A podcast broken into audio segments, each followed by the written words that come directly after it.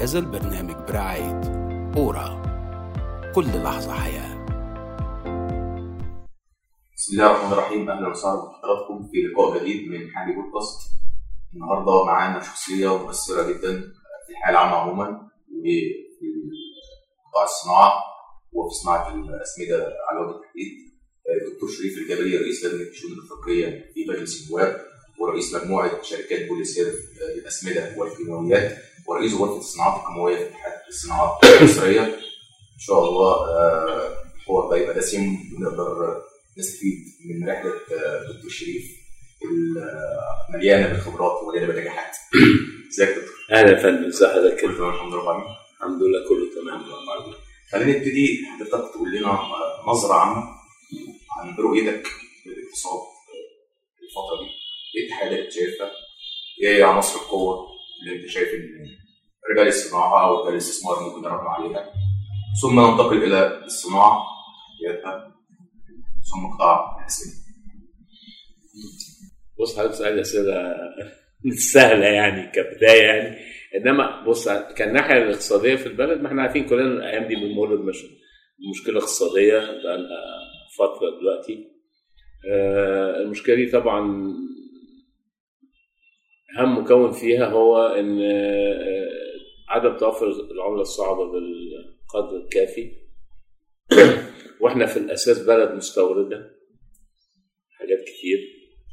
غذاء يعني مواد خام مصانع. آه، فبالتالي طبعا دي رفعت. وبعدين مع الأزمات اللي حصلت بقى بين كورونا والحرب الأوكرانية وغيرها حصل نوع من طبعا ارتفاع في الأسعار التكلفة زادت الأسعار ارتفعت فالتضخم زاد بالتالي فده طبعا حطنا آه، في موقف طبعا مش سهل. آه، إنما مفيش موقف في الدنيا ملوش حل يعني كل حاجة ليها حل في الدنيا دي يعني أكيد يعني. إحنا طبعا آه، مفروض يعني كبلد يعني أو كنظره للمست- للمستقبل أو المستقبل القريب يعني إن إحنا نشوف حلول بقى لهذا الموضوع، الحلول طبعا مش بالسهوله الواحد يتخيلها طبعا يعني. لأنك أنت عندك موارد معينة من العملة الأجنبية واحتياجات معينة من العملة الأجنبية وفي فرق ما بينهم يعني آه، كان كان فرق كبير قل مؤخرا نسبيا بس ما زال برضه يشكل عبء على الدولة. هو قل بسبب قيود الاستيراد ولا قل عشان؟ آه، طبعا القيود على الاستيراد طبعا قللت. العجز التجاري طبعا قل. قل بنسبة مش قليلة يعني. آه، فده طبعا خفف بس طبعا على حساب حاجات تانية. طبعا يعني الانتاج آه، يعني مواد الخام زي ما قلت لحضرتك. فإحنا المفروض الحقيقة يعني في المرحلة الجاية المرحلة دي نركز بس على حاجات معينة لازم نجيبها وفي حاجات ممكن نستغنى عنها الفترة الجاية. يعني مواد خام المصانع دي أساسية. ما أقدرش إن أنا النهارده أجي أقول طبعا الغذاء ده أساس مفيش فيه غذاء- الغذاء والوقود دول مطلوبين طبعا إنما في حاجات كتير ممكن أستغنى عنها المرحلة دي مقابل إن أنا أشغل المصانع بتاعتي. لانك أنت النهارده ما عندكش مصلحة إن المصانع تشت... يا إما تشتغل ب 30 40% من طاقتها مش عارف يجيب كل الخامات يا إما في مصانع تم تقريبا وقفت. في مصانع كتير واقفه النهارده. فده طبعا بيأثر جامد جدا على الاقتصاد لأن أهم حاجة أنت عندك الإنتاج. الإنتاج ده مهم جدا. آه، يعني إحنا اتعلمنا في خلال يعني الدروس اللي خدناها خلال آه، خلال أزمة آه، جائحة كورونا إن سلاسل الامداد كانت انقطعت في كثير من الأحيان.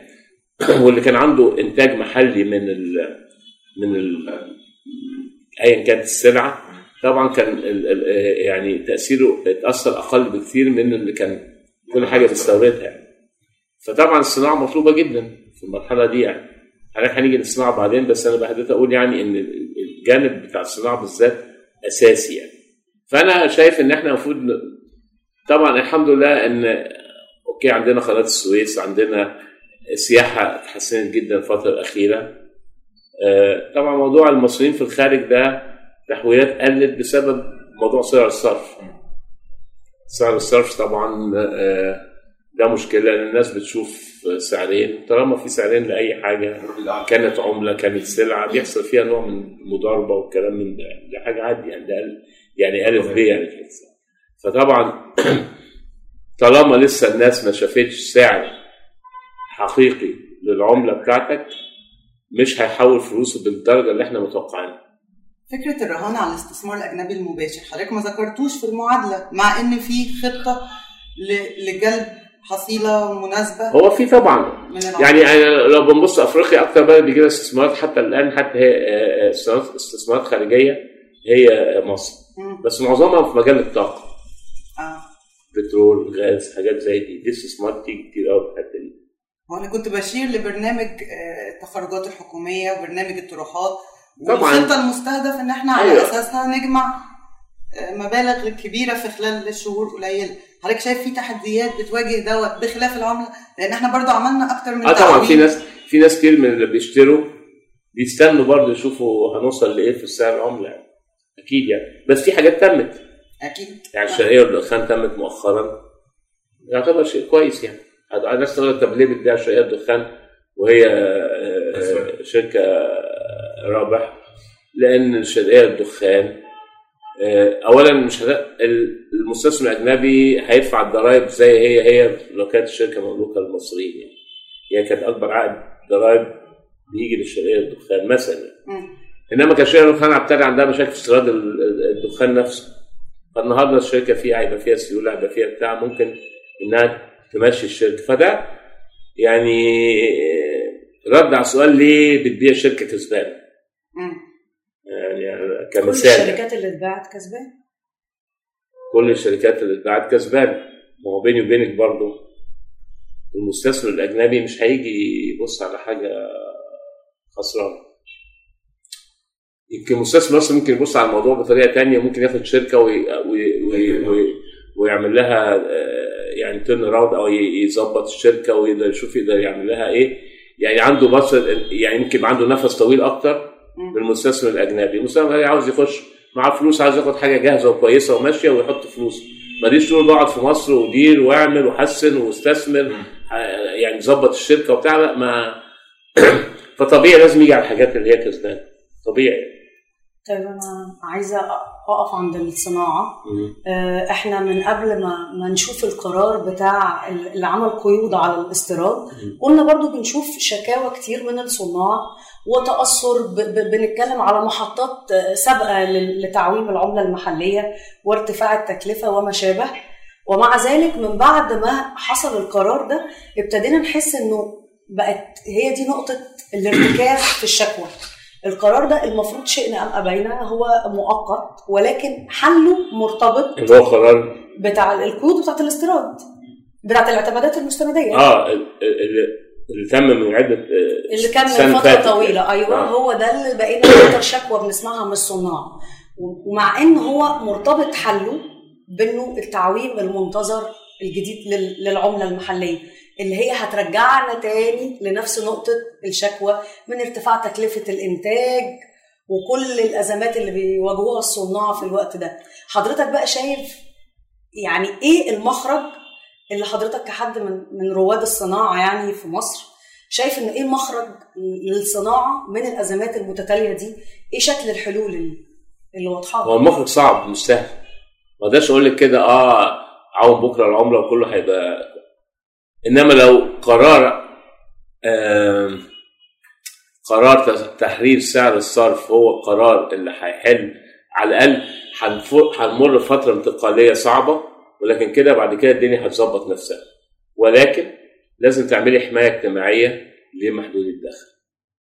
يعني ما تقدريش تفتحي النهارده سعر الدولار يوصل أو أيا كانت العملة الخارجية الأرقام 10% زيادة أو 20% زيادة أو 30% زيادة حسب بقى ما السوق هيحصل هيحصل فيه إيه حسب ما أنت عندك قدرة انك تتدخلي كبنك مركزي.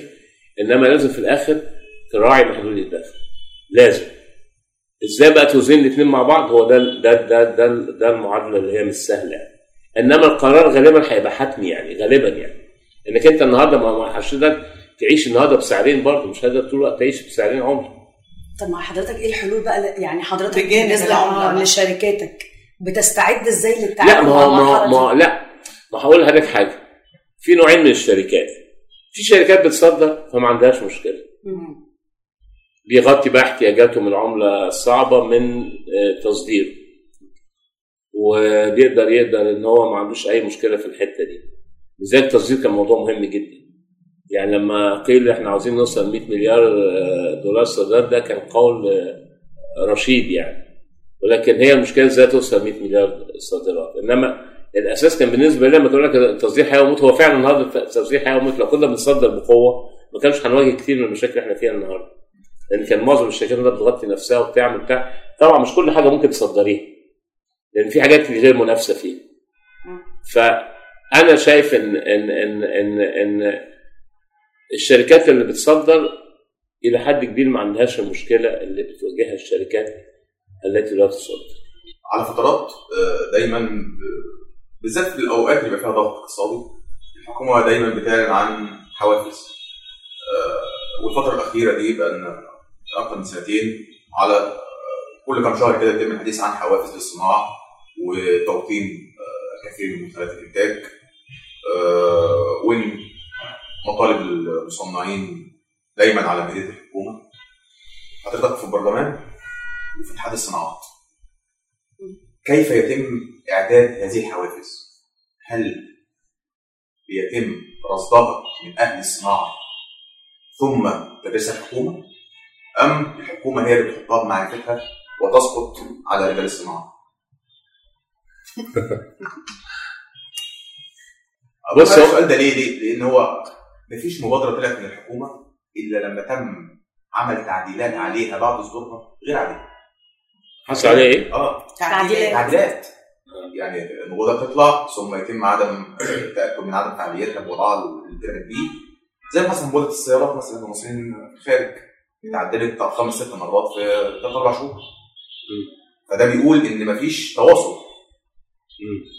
الان يتم الحديث عن حوافز جديده للصناعه والحديث عن صناعات بعينها سيتم منحها إعفاءات ضريبية كبيرة هل اتحاد الصناعات بيدور في تحديد الصناعات؟ هل اتحاد الصناعات موافق إن الحوافز تبقى بره ضريبة القيمه المضافة أم عايزها في ضريبة القيمه المضافة؟ إيه رؤيه اتحاد الصناعات في هذه الحوافز؟ لا آه، رئيس اتحاد الصناعات له رئيس هو يتكلم في الموضوع ده دي شو- دي, دي ده ده هو ده يعني اللي المفروض يعني يحصل. يعني لأن رئيس اتحاد الصناعات هو باسم اتحاد الصناعات إنما خلينا ناخد الموضوع. في حوافز طرحت السيد الرئيس أعلن شوية آه، آه، مجموعة حوافز لعدد من الصناعات. عريض يعني. الحكومة قالت إنها تعمل بقى مشروع قانون بالتفاصيل. أيوه. إنه عادي خمس سنين إعفاء وممكن يمتدوا خمس سنين و50% من ثمن الأرض لو المشروع مشي في وقته. والكلام ده كله آه، دي كلها حاجات على فكرة جيدة جدا يعني. يعني محدش يقدر يقول لأ يعني.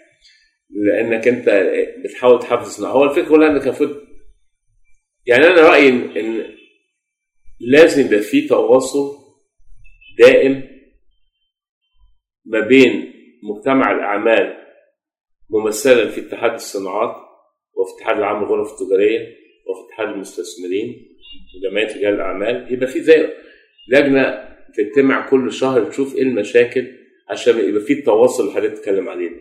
وبناء عليه بيعرض عليها المواضيع دي ويناقشوها يمكن يعدلوا فيها حاجات ممكن كذا ان أهل الخبرة اللي هم في على ارض الواقع بيبقى لهم آراء تانية مثلا يعني أوكي؟ فأنا أفضل في لجنة تواصل ما بين ممثلي مجتمع الأعمال اللي أنا قلت عليهم دول والحكومة. لازم يبقى في هذا التواصل. ما داش ده يشتغل لوحده. الحكومة ده تشتغل لوحدها لأن لأن لازم تسمع فعلا آراء المستثمرين أو رجال الصناعة أو رجال التجارة. مستثمرين كانوا بقى صناعيين أو سياحيين أو سياحة أو زراعة. كل دول لهم آه، آه، ربما في بعض الأمور اللي ممكن يقولوا يفيدوا بيها الحكومة لأن هم دول على أرض الواقع. فأنا شايف إن لازم يبقى في تواصل. طلبت كذا مرة في تواصل ما بين يعني ما يبقاش الموضوع يجي رد فعل. يعني تطلع قانون لا رد الفعل كذا طب نقعد معاهم أو نقعد مع المجتمع. لا يبقى في لجنة دائمة ما بين دو ما بين المجتمع الأعمال وما بين الحكومة. بما إن الحكومة عندها النيه الجيده إنها تدي حوافز وتساعد الاستثمار وكل الكلام ده كلام طبعا جميل جدا. السيد الرئيس نفسه بيشجع الصناعة وعمل مبادرة ابدا وحاجات زي دي كتير. ده بهدف تشجيع الصناعة المحلية.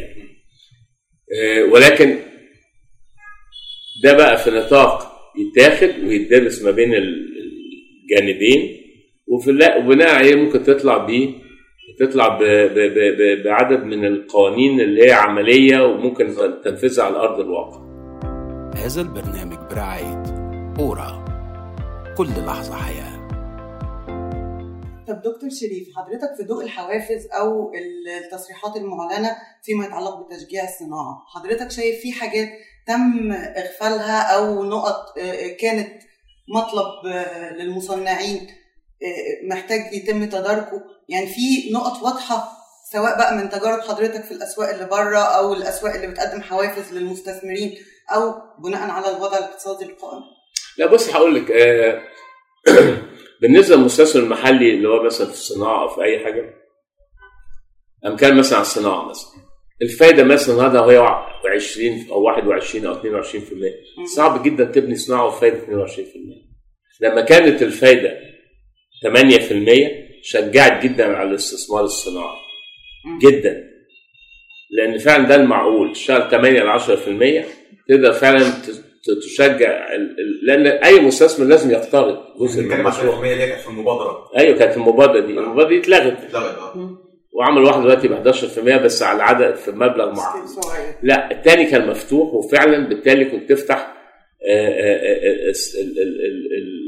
تدي مجال كبير للصناعه انها تنمو okay حط لها ضوابط حط لها ضوابط عشان الناس لا تسيء استغلالها إنما طبعا كانت مشجعة جدا.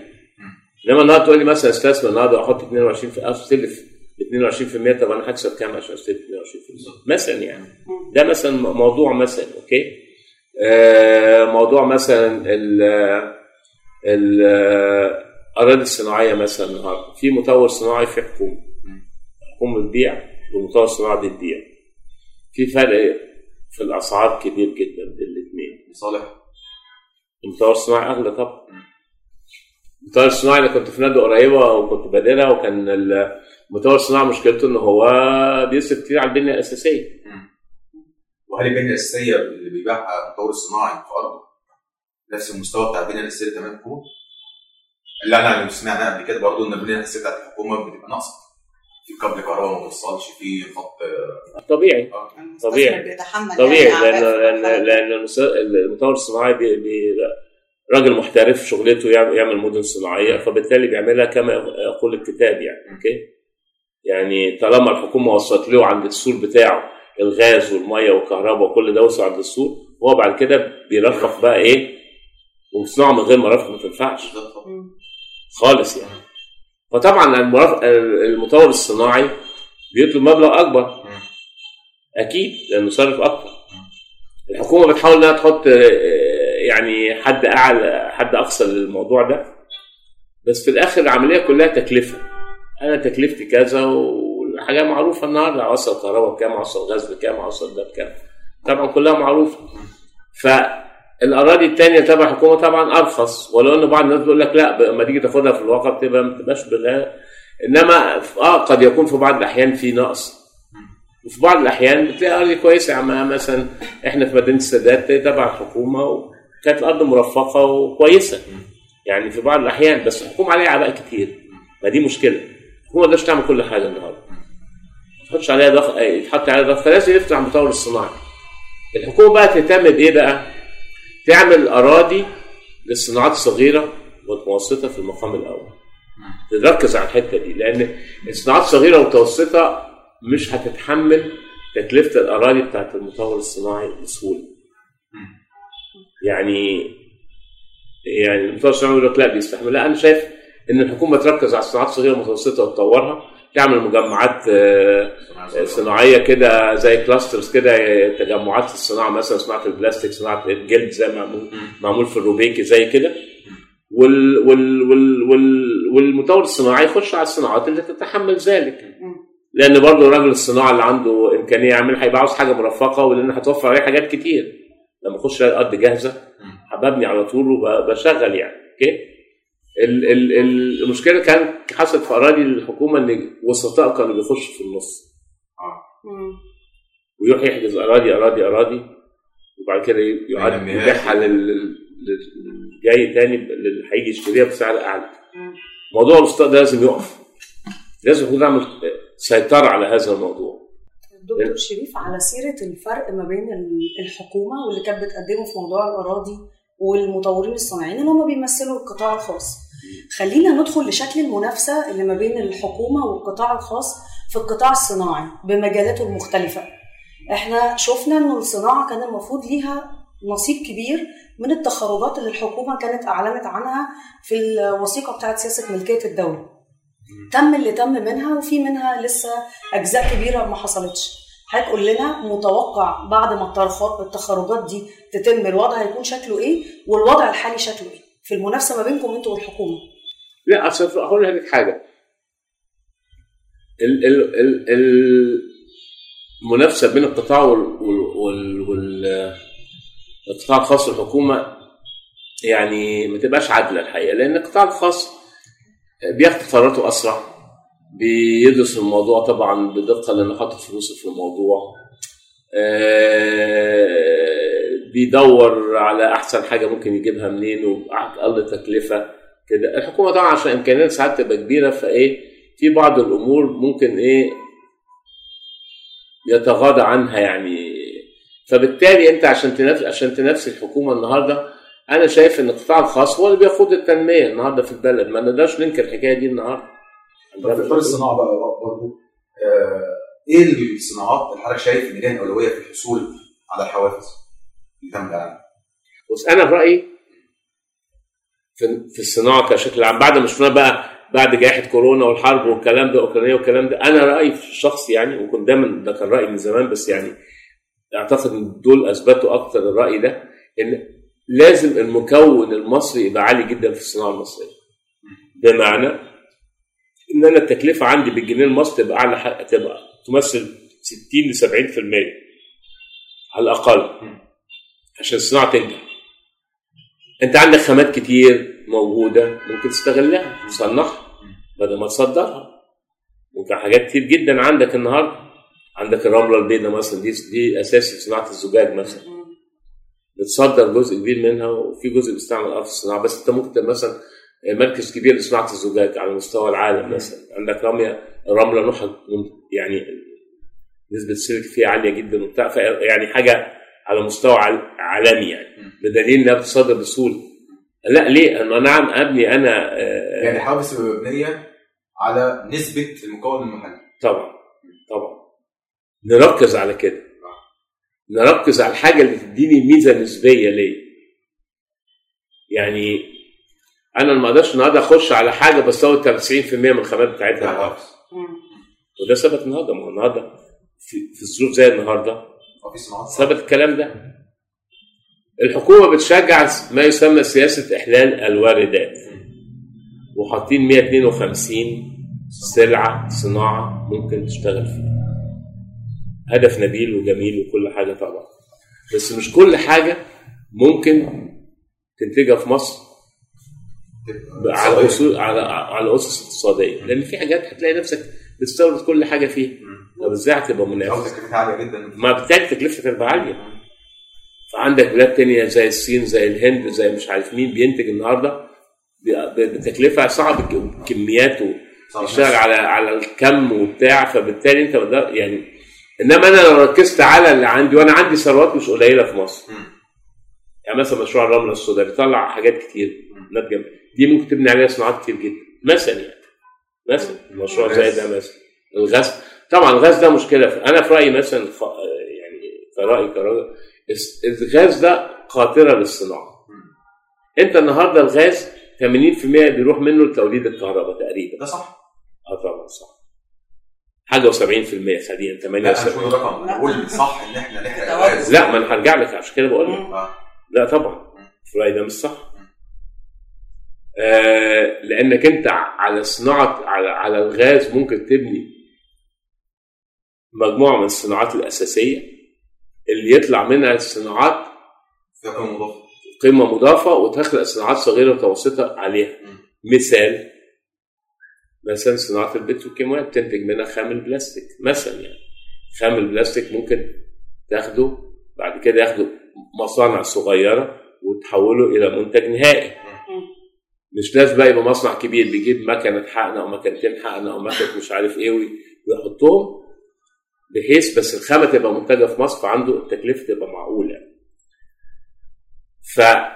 فالغاز بتقوم بتقوم عليه بتقوم عليه صناعات زي البتروكيماويات زي الأسمدة زي الحديد والصلب زي الإزاز. كل دي صناعات قايمة على فكرة على الغاز. زي صناعة الصودا أش اللي المفروض يتعمل المشروع ده إن شاء الله. كل دي صناعات قايمة على الغاز. الغاز بيمثل فيها جزء كبير من التكلفة.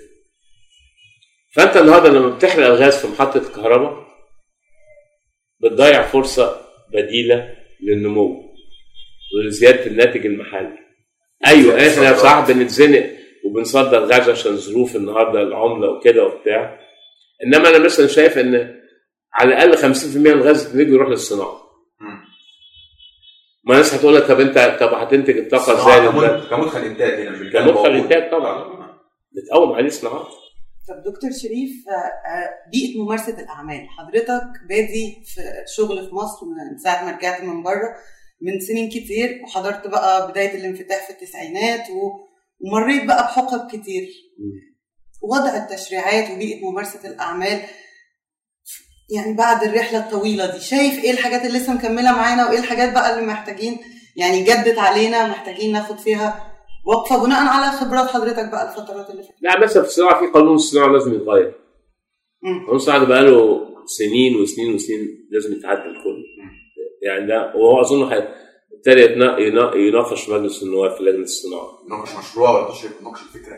لا لا ده س- إحنا عندنا مشروع صناعة بس قديم جدا. آه. بنناقش بقى مشروع جديد يعالج كل اللي حصل بقى في السنين دي من تغيرات عشان يواكب لا أنا قصدي في مشروع فعليا دلوقتي بيتم مناقشته ولا لسه بيتناقشوا فكرة إعداد مشروع. لا آه بيشوفوا المشروع القديم وبيراجعوه بيشوفوا إيه الحاجات اللي تتعدل فيه أوكي؟ يعني ما أنت عشان تبتدي تشوف القديم بتاعك إيه شكله. وإيه ال- ال- ال- ال- ال- المواد اللي عاوز تتعدل وتشتغل عليها ولو في حاجة جديدة بتضيفها. تمام. ده اللي هو. أساس. فده بدأ في آخر الموسم التشريعي اللي انتهى ده كان ابتدى فأعتقد الموسم التشريعي الجاي هيقدر هيقدر هيقدر يناقش أكثر يعني. فده مثلا موضوع أساسي مطلوب مننا مثلا النهارده. قانون الاستثمار عدلنا وعدلنا وعدلنا وبنعدل وبنعدل وبنعدل وجبنا وفي رئيس جديد لهيئة الهيئه العامه للاستثمار وكده وبتاع. المفروض إن هو من القطاع الخاص ودارس وبتاع فالمفروض هو يلعب دور مهم في الحتة دي يعني. انت انت النهارده جايب واحد بقى يعني بقول هاتوا قطاع خاص أو جايبه قطاع خاص المفروض بقى هو دلوقتي يدرس ويشوف ويعدل ويقعد برضه مع مجتمع الأعمال ويسمع. هي القصة كلها اللينك الرابطة. يعني زي ما حضرتك قلت ده بيشتغل ده بيشتغل طب الاثنين لازم يلتقوا مع بعض. أنا ما بحب يعني زي ما بكرر تاني سياسة رد الفعل سيئة أكيد. جدا. طب أنا عايزة أتكلم عن أفريقيا بما إن حضرتك رئيس لجنة الشؤون الأفريقية في البرلمان. آه، طبعا إحنا على مر السنين طول الوقت بنتكلم عن إن أفريقيا إزاي المفروض تكون منجم ذهب لدولة زي مصر ب... ب... ب... يعني لأننا دي القارة اللي بننتمي ليها وأسواق كتير ممكن تكون محتاجة الكتير من مصر. حضرتك شايف إحنا خدنا أي تحركات على مستوى الحديث اللي بنقوله في الملف ده ولا لأ؟ وليه؟ هقول لحضرتك. إحنا على المستوى السياسي في أفريقيا النهارده أقوياء. يعني يعني تواجدنا الناحية السياسية في أفريقيا بقى له تواجد كنا في فترة بعدنا عن أفريقيا شوية. الحقيقة لما الرئيس السيسي جه وتولى رئاسة الاتحاد الأفريقي وبعد كده بقى لنا علاقات جيدة مع الكثير من الدول الأفريقية النهارده. ده من الناحية السياسية. من الناحيه الاقتصادية لا طبعا ينقصنا الكثير في هذا الموضوع. ليه؟ عشان إحنا إحنا بطبيعتنا يعني ك, ك حتى المصدرين أو غيره يعني كنا مهتمين دايما بالدول اللي هي الصناعية أو دول آسيا أو بتاع لأنها تعاملها إلى حد ما أسهل من أفريقيا. أفريقيا ليها طبيعة خاصة في التعامل. يعني يعني أنا النهارده في أفريقيا آه، المستورد الأفريقي له ثقافة مختلفة عن المستورد في حتة تانية زي أوروبا. أوروبا ممكن آه، آه، بال بالبريد الإلكتروني على طول تبعتي له إيميل وبتاع ويرد عليكي وادي السلعه وأدي مواصفاتها وأدي ده okay ماشي ها. طالما هو آه، عمل check على الشركة وشاف إنها شركة كويسة في مصر وبتاع okay. أفريقيا لا غير كده. أفريقيا عاوز يشوف حاجة بعينه الأول. و... وبالتالي الفكرة بقى نقول فيها كذا سنة دلوقتي اعملوا مراكز لوجستية في الدول الأفريقية عشان نقدر نودي منتجاتنا لهم ويشوف المنتج وبناء عليه يشتري. دي العقلية بتاعتهم. وهي دي قولا واحدا هو ما بيشتغلش غير كده دلوقتي. وأي حاجة غير كده صعب. إزاي تلاقي صادراتنا افريقيا تمثل 1% من واردات أفريقيا. 1% طب ده رقم طبعا مش مفروض. وعندنا الكوميسا وعندنا ده وعندنا ده وعندنا ده. طب ليه؟ ليه؟ عشان إحنا ما- بنجازفش مش عاوزين لازم نروح نفتح شركات في أفريقيا لازم ناخد مراكز لوجستية لازم البنوك المصرية تفتح فروع في أفريقيا. ما تقريبا غير مت- متواجد في غير بنك واحد فتح مؤخرا اشترى بنك في كينيا بنك مصري. آه، اشترى بنك في كينيا بس إنما البنوك المصرية الأساسية زي الأهلي ومصر والبلاد البنوك الكبيرة دي والقاهره لازم تفتح فروع في أفريقيا. عندها مكاتب تنسيق يمكن هنا أو بتاع النهارده عشان أشتغل في أفريقيا محتاج بنك مصر معايا يشتغل على مثال مثلا سبيل المثال البنوك المغربية فاتحة جامد جدا في أفريقيا على الأقل في غرب أفريقيا. عندها 17 دولة موجودة في غرب أفريقيا. وبيكسبوا. والبنك بالمناسبة المغربي ده برضه فاتح في مصر يعني. ف وبيكسب في مصر وبيكسب في غرب أفريقيا كويس جدا. منها انه هو بيكسب كبنك لأن أفريقيا محتاجة بنوك كويسة. ومنه إنه بيشجع ال- ال- ال- ال- ال- ال- المستثمر المغربي أو التاجر المغربي إن هو يقدر يصدر للدول الأفريقية. يعني نفهم من كده إنه إن التعامل في أفريقيا كما يجب أن يكون لازم يبدأ بان يكون في خطوات من الحكومة على أساس إن القطاع الخاص بعدها يقدر يشوف شغله. ولفين هنا النظرية اللي دايما القطاع الخاص هو اللي بيتبناها؟ إنه العائد مقابل المخاطرة. كل ما عليت المخاطرة كل ما عليه العائد. بص هقول لحضرتك حاجة. معلش يعني هنا الدور أكبر على القطاع الخاص مش على الحكومة. يعني الحكومة كان عندها تجربة شركة نصر الصرف والتصدير كانت تجربة أيام الستينات كانت تجربة رائدة ونجحت شركة النصر دلوقتي اتحولت لحاجة اسمها شركة جسور ولسه بيحاول آه، وزير التجارة والصناعه بيحاول انه يعيد تش... إيه، إحيائها مرة أخرى وبتاع. إنما القطاع الخاص له دور ما يروح أفريقيا النهارده ما يروح يا أخي روح تلاقي البلد مفتوحة قدامك وروح اشتغل وخد المخاطرة. هنا بقى جزء أنا فيه بلوم القطاع الخاص فيه شوية أوكي؟ مش الحكومة. هذا البرنامج برعاية أورا. كل لحظة حياة طب نخرج من محور أفريقيا ونتكلم بقى شوية إيه في صلب برحله حضرتك. آه، إحنا عايزين يعني نوجه رسالة للشباب كده بناء على الخبرات اللي حضرتك خدتها آه، نحاول نلخصها. إما حضرتك تقول لنا شوية نصايح واضحة أو تحط إيدك على نقط كانت بالنسبة لك عناصر تحدي أو عقبات وقدرت تتجاوزها وإيه هي النقط دي اللي قدرت تتجاوزها الدنيا اختلفت. أول حاجة التعليم طبعا آه، إنك أنت تتعلم كويس. تاني حاجة إنك أنت ما تتسرعش في طموحاتك قوي كده. آه يبقى عندك طموح ده أكيد. طموح مشروع آه مشروع مشروع. يبقى يعني طموح شرعي. يعني تبقى أنت عندك آه عاوز تبقى كويس عاوز تبقى كذا عاوز تبقى كذا. بس مش بقاش اوفر يعني ما يبقاش أكتر من اللازم وبالتالي لازم تبقى عارف إنك أنت تصبر. ما فيش حاجة بتيجي مرة واحدة. السرعة في الحاجات دي مش مطلوبة. بمعنى مثلا أنا مثلا آه، اشتغلت مثلا خلاص بكالوريوس هندسة خدت دكتوراه هندسة بعد كده اشتغلت آه، في الخليج ثلاث سنين في مشاريع بتركيبات وحاجات كده كبيرة. وبعد كده كنت عاوز أسيب الخليج الحقيقة. آه، فاشتغلت الحمد لله اتقابلت شركة متعددة الجنسيه المجال برضه بتاع الكيماويات وكده من أكبر الشركات في العالم يعني. واشتغلت فيها الحقيقة 8 سنين. الميزة بقى في في الشركات متع- متعددة الجنسية انك تتعلم تتعلم والكفاءة هي المعيار الوحيد والأوحد في ترك ترقت في الشركة. ده قولا واحدا.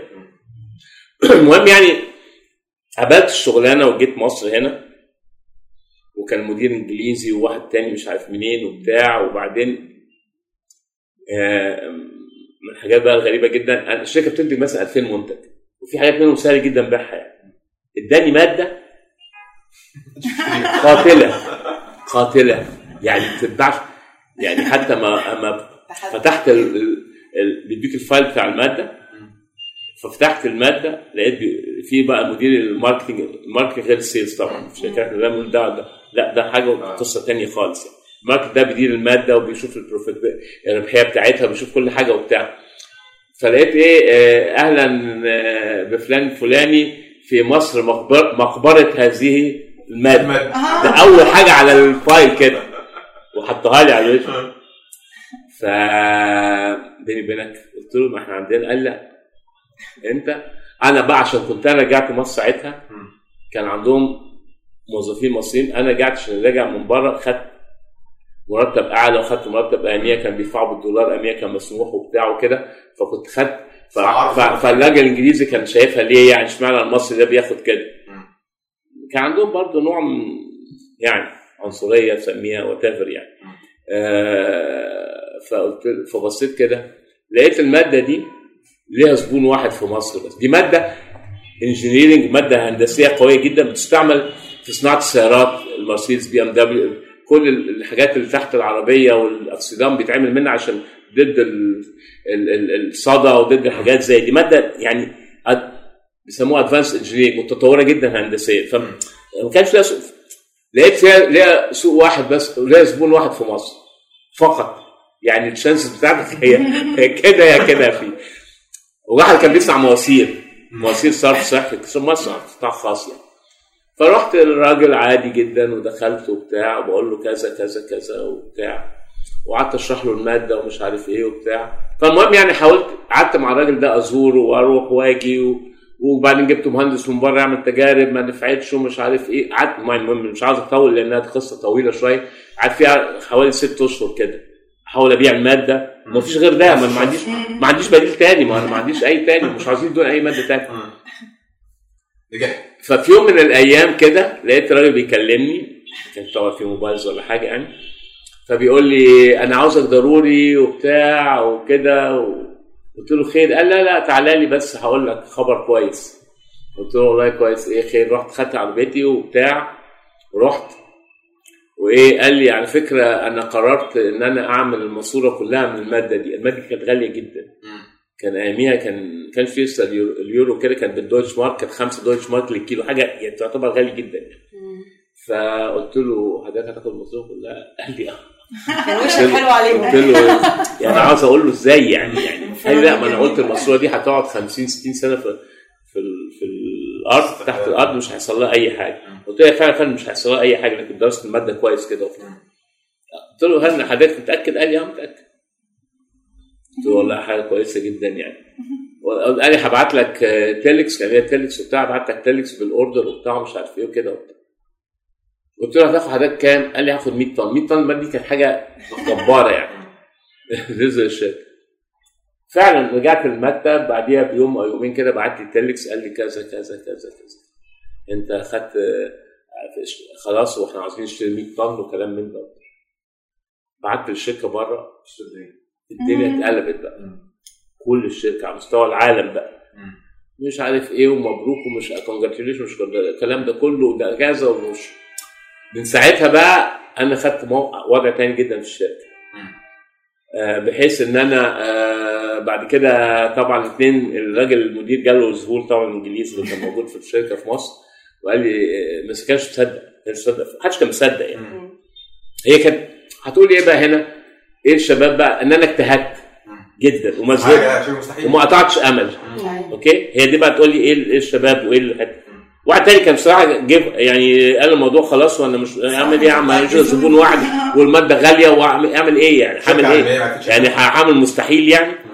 بس أنا عشان رايح جاي رايح جاي وكان في الصيف أنا فاكر في أغسطس كانت الدنيا حر وبتاع فإيه المثابرة دي في الآخر جابت لي نتيجة. ربنا بيرزق على السعي. آه ده أكيد. آه. بس بعديها بقى ابتديت آخد وضع تاني تك تك تك. خلال ثلاث سنين بقيت أنا ال General Manager بتاع الشركة في شمال شرق أفريقيا. على ثامن سنة بقى هما بقى شافوني مش كويس قوي فقالوا لك لازم تنقل بره. تروح ال ال ال- ال- الإدارة الرئيسية بقى في ال positions عادي. لأن عندي career development أو يعني تطور. التطور بتاعي الوظيفي سريع. كان ماشي كويس قوي فقال لك لا ده لازم يطلع بره لازم إيه ياخد فرصة. آه، آه، فرصة أكبر من المنطقة اللي هو ماسكها النهارده. فعلى سبع سنه الحقيقة جت قالوا لي كده. وإما تروح سويسرا في ال headquarters بتاعتنا في ال- اللي هي الجزء اللي بيدير أوروبا والشرق الأوسط أفريقيا يا إما تروح أمريكا في ال corporate headquarters المهم أنا فرحت جدا وبتاع وقلت كويس وبتاع ومش عارف إيه و... جت بقى ظروف عادية مراتي قالت لا مش هسافر بره. مش مسافر بره خلاص يعني. يعني انسى موضوع بره ده خالص. وأنا مش عايش بره أنا عايش في مصر بس و... ليه ومش ليه ومش ليه؟ هي بيني وبينك عندها وجهة نظر. وجهة نظر إيه بقى؟ إن أنا لما أقعد بره دي أنا هبقى ماسك product أو marketing أو كذا كأول step يعني. فبدير بلاد كذا بلد في أوروبا مثلا. فلازم مثلا لو الأسبوع فيه خمس أيام بسافر منهم ثلاث أربع أيام في الأسبوع. كلمت مديري بقى المباشر اللي هو في سويسرا. قلت له أنا عاوز أقعد معاك وبتاع وكده. قال لي ليه خير؟ قلت له كذا. قال طب خد تعالى على بكرة نتغدى مع بعض. إيه الموضوع؟ قلت له بص أنا شاكر جدا إنكم ال- الوظائف دي وبتاع ومش عارف إيه بس أنا مش هقدر إيه كمل قال لي ليه؟ قلت له قال لي عندي قلت له عندي ظروف عائلية وبتاع وكنت بحب فعلا جدا بس مش هقدر وبتاع. أنت متأكد وبتاع؟ قلت له لا متأكد. متأكد. قال لي لا بس أنا يعني قال لي خلاص أنا هقول لك إيه يعني. بس أنا مقدر جدا إن أنت جبت لي جيت لي عدل كده ما عدل يعني وتقول لي أنا إن قال لي أنت هتعمل إيه؟ قلت له الشغل بتاع خاص بقى لوحدي بعد كده قال لي أنت عارف تعمل إيه؟ قلت له يعني عندي فكرة إلى حد ما آه، هعمل إيه وبتاع. ما كانش بصراحة اديني رؤ- رؤية ولا حاجة. كنت كل حياتي مرتبطة بالشركة. المهم يعني خدت ابتديت بقى الشغل بتاعي بقى الخاص بقى. ابتديت أعمل. كان ليا بقى اتعرفت على ناس خلال شغلي بقى مع الشركة دي وبتاع. عملت بقى مشروع بعدين عملت مشروع السماد صغير مع ابن عمي وعملت إيه وابتدينا بقى شوية شوية إيه آه نمشي في ال- في الكارير ده. آه لحد ما ما يعني دخلنا بقى في الأول دخلنا اشتغلنا عملنا مصانع صغيرة الأول مصنع صغير الأول وبعدين اشتغلنا في التجارة وبعدين من التجارة دخلنا على الصناعة وده الصح تبتدي تجارة وتخش صناعة مش العكس عشان تكون عرفت السوق بتاع وابتدى بقى الشغل يتطور وبتاع وكده ومش فخدتها تاخدها يعني تدريب. تاخدها بالتدريب بس يبقى عندك طموح. وبعدين تفكر تفكر دايما بره الصندوق. ما تقعدش طول تفكر تقليدي. ما تعيش طول النهار دماغك تقليدية. مش بره الصندوق تعمل حاجات مجنونة يعني. أيوه. لا بس تعمل حاجات إيه؟ فكر في فيها تفكير حلول جديد مختلفه أيوه أنا لأن أنا اولا ب... بحب أقرأ كتير ولحد دلوقتي حتى بقرأ أي حاجة في المجال بتاعي وبشوف كده أفكار جديدة حتى عندنا في الشركة وبتاع. أوكي يعني ما بديش يوم بدي يوم يوم دلوقتي لأن الأولاد موجودين كده والحمد لله الحمد لله الحمد لله كويسين يعني.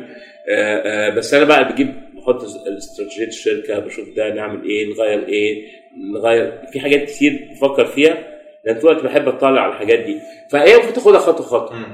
تاخدها خطوة خطوة لأن لأن دايما أنا عاوز أبقى كذا. لا أنا خطوه خطوة طموح عالي امم أيوه. دكتور شريف حضرتك في اختيارك لكوادرك بت يعني بتفضل اللي عنده خبرات بره أو اللي عنده تعليم بره في الأساس؟ لا.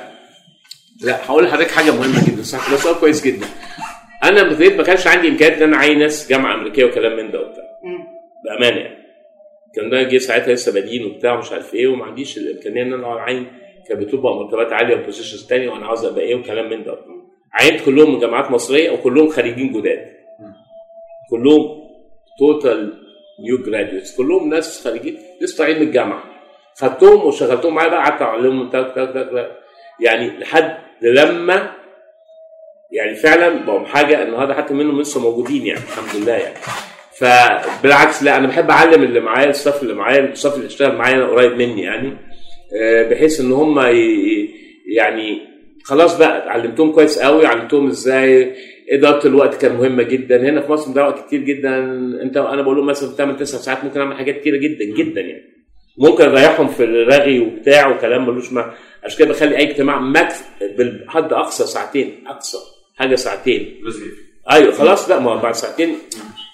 ف فطبعا لا أنا اعتمدت على كله على على على ناس خريجين جامعات مصرية و... طب إحنا عايزين بقى في إطار برضو التوصيات والنصايح لل- للجيل الجديد حضرتك جزء من خبرتك بقى بعد ما بقيت انت صاحب الشركة انت اللي أسست الشركة وبدأت من جديد بعد ما اختبرت مكانة عالية جدا في شركة أيوه كبيرة. أيوه. أيوة. عدد الساعات اللي كنت بتشتغلها في أول تأسيس الشركة فكرت بعد كام سنة من عمر الشركة تقلل الوقت آه، اللي اللي مخصصه للشغل. آه، تقييمك لل- للراتب اللي اللي تستحقه كنت بتعتمد فيه على على إيه؟ بما إنك أنت صاحب القرار. أيوه. إزاي قدرت ما تظلمش نفسك وإزاي قدرت ما تجيش على الشركة؟ هقول لحضرتك عايزينك صح. تقول لنا. أولا أنا في شركة الشركة اللي متعددة الجنسية. كنت بشتغل في اليوم أكنها شركتي. على فكرة كنت عامل مع الشركة في الآخر أكنها شركتي. يعني من ناحية مصاريفي من ناحية حاجتي من ناحية آه، آه، آه، تعامل في عدد ساعات الشغل ما حدش كان بيقول لك كنت بقعد ساعات 8 ساعات 9 ساعات 10 ساعات. يعني لأن كنت عجباني كانت الشغلانة بحبها وكنت بشوف قصادها مقابل. إنك أنت ناس بتق- بتقدرك فبالتالي ما كنتش بتعامل مع الشركة أكني موظف. خصوصا المدير كمان عامل شركه في المنطقة كلها فكنت بتعامل معاه بضيعش بشتغل 8 ساعات 9 ساعات 10 ساعات. أسافر بعد كده كنت كان السودان تبعي فأنزل السودان نقعد ثلاثة ثلاث أربع أيام في السودان وأرجع تاني.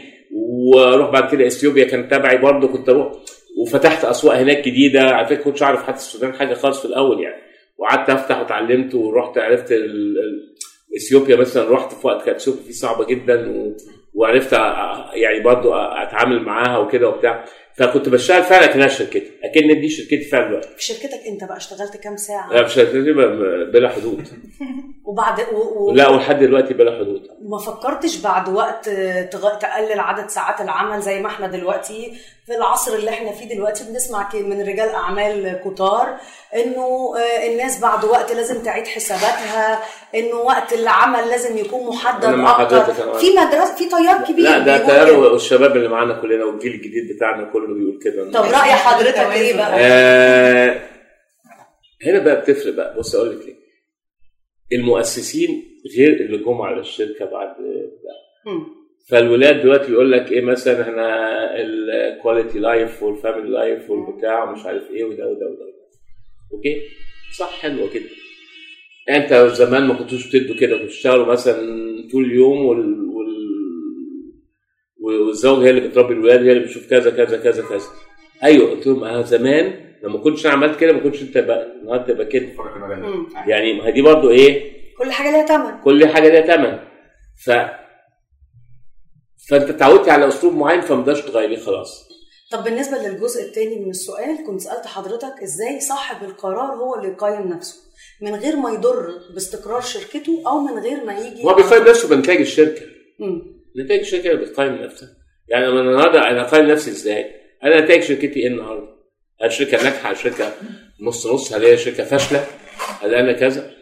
يعني أكيد هو ده ده المعيار الأساسي يعني ما هو الأرقام هي اللي المعيار هي رقم أساسي أنت الأرقام عندك شكلها إيه؟ يعني حضرتك جزء من المنظومة حضرتك بتنصح رواد الأعمال الجداد إن هم يبقوا حريصين على إن يبقى في دايما جزء من من الأرباح بيتم توزيعه ولا شايف إنه إعادة استثمار الأرباح أفضل لضمان لا، استقرار مرحلة- الشركة في عمرها في لا البداية في مرحلة معينة لازم تعيد استثمار الأرباح ده أكيد. مم. أكيد يعني. أكيد. يعني أنت بادي وكده لازم طبعا تقعد أربع خمس سنين تعيد استثمار عشان يعني خد بالك أنت لو وقفتي في ناس تانية هتسبقك. لو ما طورتيش ناس هتسبقك. لكن- ومناعتك أنت وأنت بتبتدي مناعتك لمواجهه الأزمات غير حد أبو زمن طبعا طبعا أكيد يعني. إيه الرسالة اللي حضرتك حابب توجهها لأسرتك بعد الرحلة دي؟ لا طبعا آه، آه، وصلت فيها جزء كبير طبعا من النجاح يعني. أكيد يعني. الزوجة ليها جزء كبير جدا من النجاح. أكيد يعني. لأن هي شايل جزء كبير من القصة. ما هو أنت ده شرط وكده والحمد لله ربت ولاد كويسين. الحمد لله. عندهم مسؤولية يعني الحمد لله كلهم الحمد لله مسؤولين وعندهم آه، أخلاقيات عالية و آه، وبيشتغلوا أكنهم فعلا ما بيش مش بياخدوا الشغل كده هزار ولا يعني خلاص لأ في جدية وفي مواعيد بيجوا فيها وفي كل حاجة. لأ مفيش فطبعا طبعا دي أهم حاجة ده, ده طبعا تشكر الأسرة طبعا. ساعدتك إنك تنطلق. ده أكيد. أنا أكيد. ده مليون في المية. آه وبعدين بيني وبينك يعني لما تيجي تفكر في منى ما قالت لي مش هسافر بره طب ما معادنا في مصر كان أحسن بكتير ما أنت أيوة، ممكن أكمل في. الشركة وأجي عند سن أيوة. 50 سنة يقولوا لي مثلا مع السلامة ما تناش عند 50 كده يقول لك خلاص بقى يعني أنت كبرت وبتاع مش عارف إيه فبيني وبينك برضه كان قرار برضه أيوه ربنا جعل ساعتها تقول ليه ومش ليه وتبقى قاعد متضايق مم. ما تعرفش ربنا شايل لك إيه؟ رب ضاره نافعه يعني يعني يعني هي دي حاجة. لا اهم حاجة كانوا الولاد كويسين. دي الحمد لله ما شاء الله الله أكبر يعني. الولاد كلهم. كويسين يعني. يعني كلهم ملتزمين بتاع كده. لا طبعا. بص من غير كده ما ينفعش كده. يعني من. غير آه، لو أسرة مفككة ولا بتاع ما ينفعش ال... ما إن أنا عاوز أبقى برضه حر أقدر أنفذ أقدر أنجز أقدر أتحرك أقدر أروح أقدر أروح أقدر آجي. كل شوية قيود وده و- أو لا مثلا الاهل الولاد عندهم مشكلة فاضطر طبعا لو الولاد عندهم مشكلة بتبقى مشكلة كبيرة جدا. طبعا. اسوء من الشغل بكتير. آه. هتعمل إيه؟ مشكلة الولاد دي ده يعني يعني أصعب حاجة في الدنيا مشكلة مع الإنسان. صح. يعني مع المكن مع ده مع ده كلها قادرة تغير دي جدا. إنما مع الإنسان لو عندك مشكلة دي أصعب من أصعب مشاكل في الدنيا. يعني مع الاولاد بقى أصعب وأصعب يعني أوكي؟ فدي طبعا كويس. يعني يعني يعني أنا مثلا ابني الكبير مثلا صممت مثلا يخش هندسة القاهرة ما كان ممكن يروح يسافر بره زي اي زي أولاد كتير بيسافروا. طب ليه؟ وكانت خناقات يعني. هو كان جايب مجموع كويس وبتاع. قلت له لا تخش هندسة القاهرة. قال لي قلت له عشان تعيش مصر يعني تعيش البلد. اولا هندسة كلية محترمة ثانيا هتعيش مع تعيش الحياة العادية اللي موجودة. مش هتبقى مش بقاش منعزل عن المجتمع. يعني يعني آه كل اصحابي صحيح سافروا بره أقل حد دخل جامعة أمريكية أقل يعني ده اللي ما يعني ما سافرش قعد هناك. مفيش حد دخل جامعة مصرية يعني من الجيل من المجموعة دي من من المجتمع ده ما لا كان يعتبر التعليم بره أساسي وده اللي هيخليني الاقوا كويس وبتاع. فطبعا هو دخل أول على مضض بس الحمد لله عرف يتعامل مع الناس كلها كويس. إيه، أما يروح مثلا مصنع زي عندنا في أبو زعل كده بيعرف يتعامل مع العمال بيعرف يتعامل مع الناس مش منفصل. وبعدين دخل الجيش كمان هو بنفسه بقى كان عاوز يخش الجيش هو كان مصمم يخش ليه ف- فخد المجتمع المصري كله يعني. ليفل الوحش. آه فده خدها كله. ابني أصغر كان في جامعة أمريكية وبعدين راح كندا سنتين بس الحمد لله رجع أخذ نفسه كويس. دخل الجيش برضه فبرضه دي ظبطت الدنيا. فإيه ف... فالحمد لله. فهم الاثنين ماشيين كويس في ال... الحمد لله رب آه لأنك أنت برضه أنا بخاف ساعات التعليم بره كتير ويجي هنا مش عاجبه الحال. ومش آه. عاجبه ده ومش. عاجبه. ده وده. ما هو طبيعي مش كل حاجة هتعجبه هنا يعني. أكيد ثقافة مختلفة وحاجه ها؟ أكيد لما بيعيش ثقافة مختلفة وحياه مختلفة بيبقى ده أكيد ده أكيد ده أكيد. عشان كده كنت مسمى هندسة القاهره أنا كنت مص- مصمم. دي كانت خناقات كبيرة جدا لعلمك يعني. مش سهل. إنك تقنع ابنك واصحابه كلهم. مسافرين هو قاعد. سافروا أو بقول لك اللي قعدوا قعد دخلوا جامعة أمريكية هو الوحيد يخش جامعة مصرية. دي مش سهلة على فكرة. طب وما حدش من اصحابي مصدق أنا دخلت ابني هندسه القاهرة ساعتها. دكتور شريف قرارك ده كان سببه إنه في مجموعة شركات ما شاء الله وحضرتك شايف إن هم لازم يكونوا على دراية بأوضاعها ومستقبلها. فعشان كده فضلت إن هم يشتغلوا في مصر. يعني لو حضرتك ما كانش ده اتجاه حياتك وكنت فضلت في الشركات اللي كنت شغال فيها في الأول. كنت هتصر إن الأولاد يتعلموا في مصر؟ يمكن لا. يمكن لا. ما لو كنت عشت بره في موتور شركه متعدده الجنسيه أو شركه كان أكيد هتعلموا بره. كان أكيد. أنا بقى الانفصال اللي بيحصل بقى. فقلت الحمد لله. بس أكيد أه كلامك صح طبعا. ده مليون في المية. إيه الرساله اللي حضرتك هتوجهها لل لكل الموظفين وزملاء المجموعة؟ لا أشكرهم جدا طبعا. أنا بشكرهم جدا على مجهودهم معايا وبشكرهم جدا. روحهم الحلوة ال... ال... يعني الحمد لله الحمد لله ما شاء الله أكبر. ان شاء الله. الناس كلها يعني علاقة حلوة جدا معاهم جدا يعني. وإحنا بن- بناخد بالنا منهم برضه أي حاجة ما فيش يعني ف فطبعا أنا بشكرهم جدا لأن هم جزء كبير من منظومة النجاح يعني. ما منظومة النجاح دي مرتبطه مش بيك أنت لوحدك لو معكش ناس تعبانة مش هتعرف تعمل حاجة يعني. هذا البرنامج برعاية أورا. كل لحظة حياة. عايزين نعرف نظرة حضرتك للتوسع الخارجي. هل ده على على خطتك ولا لأ؟ إيه هي الاسواق اللي ممكن تكون آه، في خطتك إنك تدخل فيها عن طريق استحواذات؟ وإيه الأسواق اللي ممكن تدخل فيها بشراكات مع مستثمر محلي منها؟ إيه الأسواق اللي ممكن حضرتك تاخد فيها المبادرة إنك تأسس من أول وجديد؟ إزاي بتخطط لإنك تزود صادرات مجموعة شركاتك؟ وبرضه إيه الأسواق اللي بتستهدفها المنتجات دي؟ بص هقول لحضرتك حاجة عشان نبقى برضه واضحين في الحصه دي لو بنفكر في استحواذات أو حاجات زي دي هتبقى في المجال بتاعنا اللي إحنا بنفهم فيه مش. هناخد حاجة ما بنفهمش فيها. هل في حاجة دلوقتي حاليا محل دراسة لا في حاجات في أفريقيا بنبص عليها آه آه كام أكيد. فرصة؟ لا هي حاجة حاليا دلوقتي قدامنا فرصة واحدة في أفريقيا وفرصة ثانية في بلاد في اللي هي في آسيا كده في المجال بتاعنا ممكن حضرتك تقول لنا إيه هي الأسواق دي؟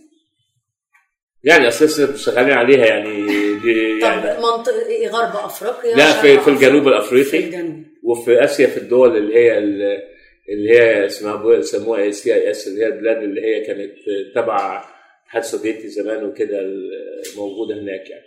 بس في المجال بتاعنا. حضرتك هتلجأ للتمويل الذاتي ولا في برضه لا، ما- بتتم على تمويل أكيد في هيبقى؟ جزء كده وكده. مستحيل ذاتي يكون 100% صعب انت في موديل الاستثمار بتاعك بتفضل ان الاعتماد على التمويل الخارجي ممكن يكون قد إيه بنسبة قد إيه من حجم الفرصة؟ لا بص انت الصح يبقى في حدود 60 40 مم. 60 إيه ذاتي ولا العكس؟ لا ممكن تاخد- تشتغل- تشتغلي آه، 60 آه ممكن يعني بص هقول لك حاجة حسب حسب المشروع حسب ال العائد الداخلي بتاع المشروع ال internal return بتاع المشروع نفسه بتشوفي بقى 60 40 يا 50 50 يا 60 40 بالعكس يعني. okay؟ لو مشروع سريع جدا وبتاعه كده آخد آه ممكن اسبريت 60% من المشروع. okay؟ لو مشروع بطيء شوية لا أفضل إن أنا إيه يعني برضو لأن طبعا الفوائد مع كده ممكن تاكل منك جزء كبير من العائد بتاعك يعني. مجموعة شركات بوليسورف هل في أي شركة من شركات المجموعة حضرتك بتفكر أو بتدرس طرحها في البورصة؟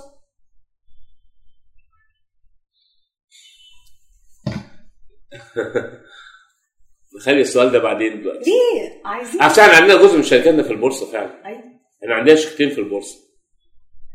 فممكن نفكر بعد كده آه مستقبلا آه ممكن نفكر. ممكن نفكر. طب اللي موجودين في البورصة دول بتفكر تزود حصص منهم مثلا؟ اظن حاسس إزاي يعني؟ حصص لا إحنا يعني لحد دلوقتي ما يعني ما- مش في مش في مش في مش في تفكير تفكيرنا قوي دلوقتي لا إحنا رايحين 30% في شركه و20% في شركه أو 30 30 30 30 يعني 30 70% يعني بس ممكن آه ممكن مع الوقت آه طبعا لو جت فرصه كويسه طبعا آه بالنسبة للشغل الباقي الباقي آه ممكن نفكر بورصة فعلا لو جالك عرض استحواذ على المجموعة بتقبله ولا بترفضه؟ لو مغري عرض استحواذ مغري ما هو مغري قد إيه مغري يعني حضرتك قول لنا قد إيه مغري إيه معاييرك؟ لا معايير إنه معايير اولا إن إحنا طبعا يبقى ناس بيشتغلوا في المجال طبعا يعني ما يجوش شركة ياخدوها ي... آه، يبقى الجيل الجديد بتاعنا موافق عليه برضه. على الموضوع نفسه لأن هم اللي هيستمروا. فيبقى هم لازم برضه عندهم موافقة في القصة دي يعني. وإذا كان بقى ال- العرض اللي يمكن ت- ترفضه ده موضوع تاني. ده ممكن ساعتها نفكر يعني. وهم ممكن يفكروا برضه الولاد يقول لك خلاص كده كويس. أنا صعب عليا قوي أبيع حاجة بصراحة. حاجة في الشغل يعني. بجد بقى. لا لا في ناس عندهم كده. في بقى في حاجة في حاجة في مبدأ بيقول لك أو- أو- أو عمرك ما تحب ملكك يعني. اوعى تقع في حب ملكك يعني. آه. ما تقعش في حب ملكك. أنا لا دي عندي بقى لسه بقع في حب ملكي لسه يعني. فيعني آه، فدي بتبقى صعبة عليا شوية. ما جاش حاجة زي كده؟ لا اتعرض عليها طبعا حاجات يعني. حاجات قريبة ولا من فترة؟ قريب ومن فترة. قطاع عام ولا خاص؟ لا كله قطاع خاص طبعا. مصريين ولا من بره في؟ أجانب أجانب أجانب. ومعظمها أجانب. بس إحنا ما وافقناش حقيقة. ما وافقناش لأن العرض مش زي ما إحنا متخيلين وبتاع وكده و- ف- بالتالي ما ناقشناهوش يعني. إنما آه لو جت فرصة ممكن تجيب فرصة مشاركة. مم. يعني ممكن دخل شريك مثلا آه، يشارك توسعات توسعات حاجات كده. ممكن آه ممكن. أو الشريك له فايدة هيفيدنا في حاجة كبيره يعني. هيفيدنا في شغلنا مثلا له له شبكة بره لل- للتصدير له بتاع يعني. لو شريك مفيد آه ممكن برضه. بس ممكن يبقى جزئي في الحاله دي. إنما تبيع طول المجموعة دي عاوزة بقى لا ده لسه عاوز تفكير. دي يعني دي عاوزة كذا حاجة زي ما قلت لك كده يعني. يعتمد لمين؟ يعتمد الشباب عاوزين إيه؟ يعتمد السعر إيه؟ يعني في كذا حاجة طبعا بتبقى موجودة. هل في حاجة من الأصول اللي كانت الحكومة معلنة إن هي محل تخارج؟ هل في حاجة منهم محل اهتمام من حضرتك؟ لحد دلوقتي لأ. بس عشان إحنا اللي إحنا فاهمينه يعني إن الحكومة عاوزة حد من بره يحط دولارات في البلد okay؟ فدي يعني يعني حاليا لو هم غيروا ال system ممكن نفكر إيه اللي ممكن يجذبك في أي حاجة في المجال بتاعنا. أو قريبة من المجال بتاعنا. يعني آه في ناس هتعمل شركات بره ويشتروا بتاع ممكن يعني ممكن يعني ما- طالما هيضخ طالما هيضخ آه، دولار في الآخر. دولار في البلد خلاص. أيوة. هو ده الم- هو ده المطلوب يعني. بس إحنا عشان لسه امكانية توسعات وعندنا حاجات زي دي فيعني ممكن إن إحنا نحط فلوسنا في حاجاتنا أكتر ون- ونكبرها يعني. أو يمكن نضيف حاجات جديدة قريبة منها أو ممكن نستثمر في أفريقيا زي ما قلت أو ممكن كده يعني أوكي؟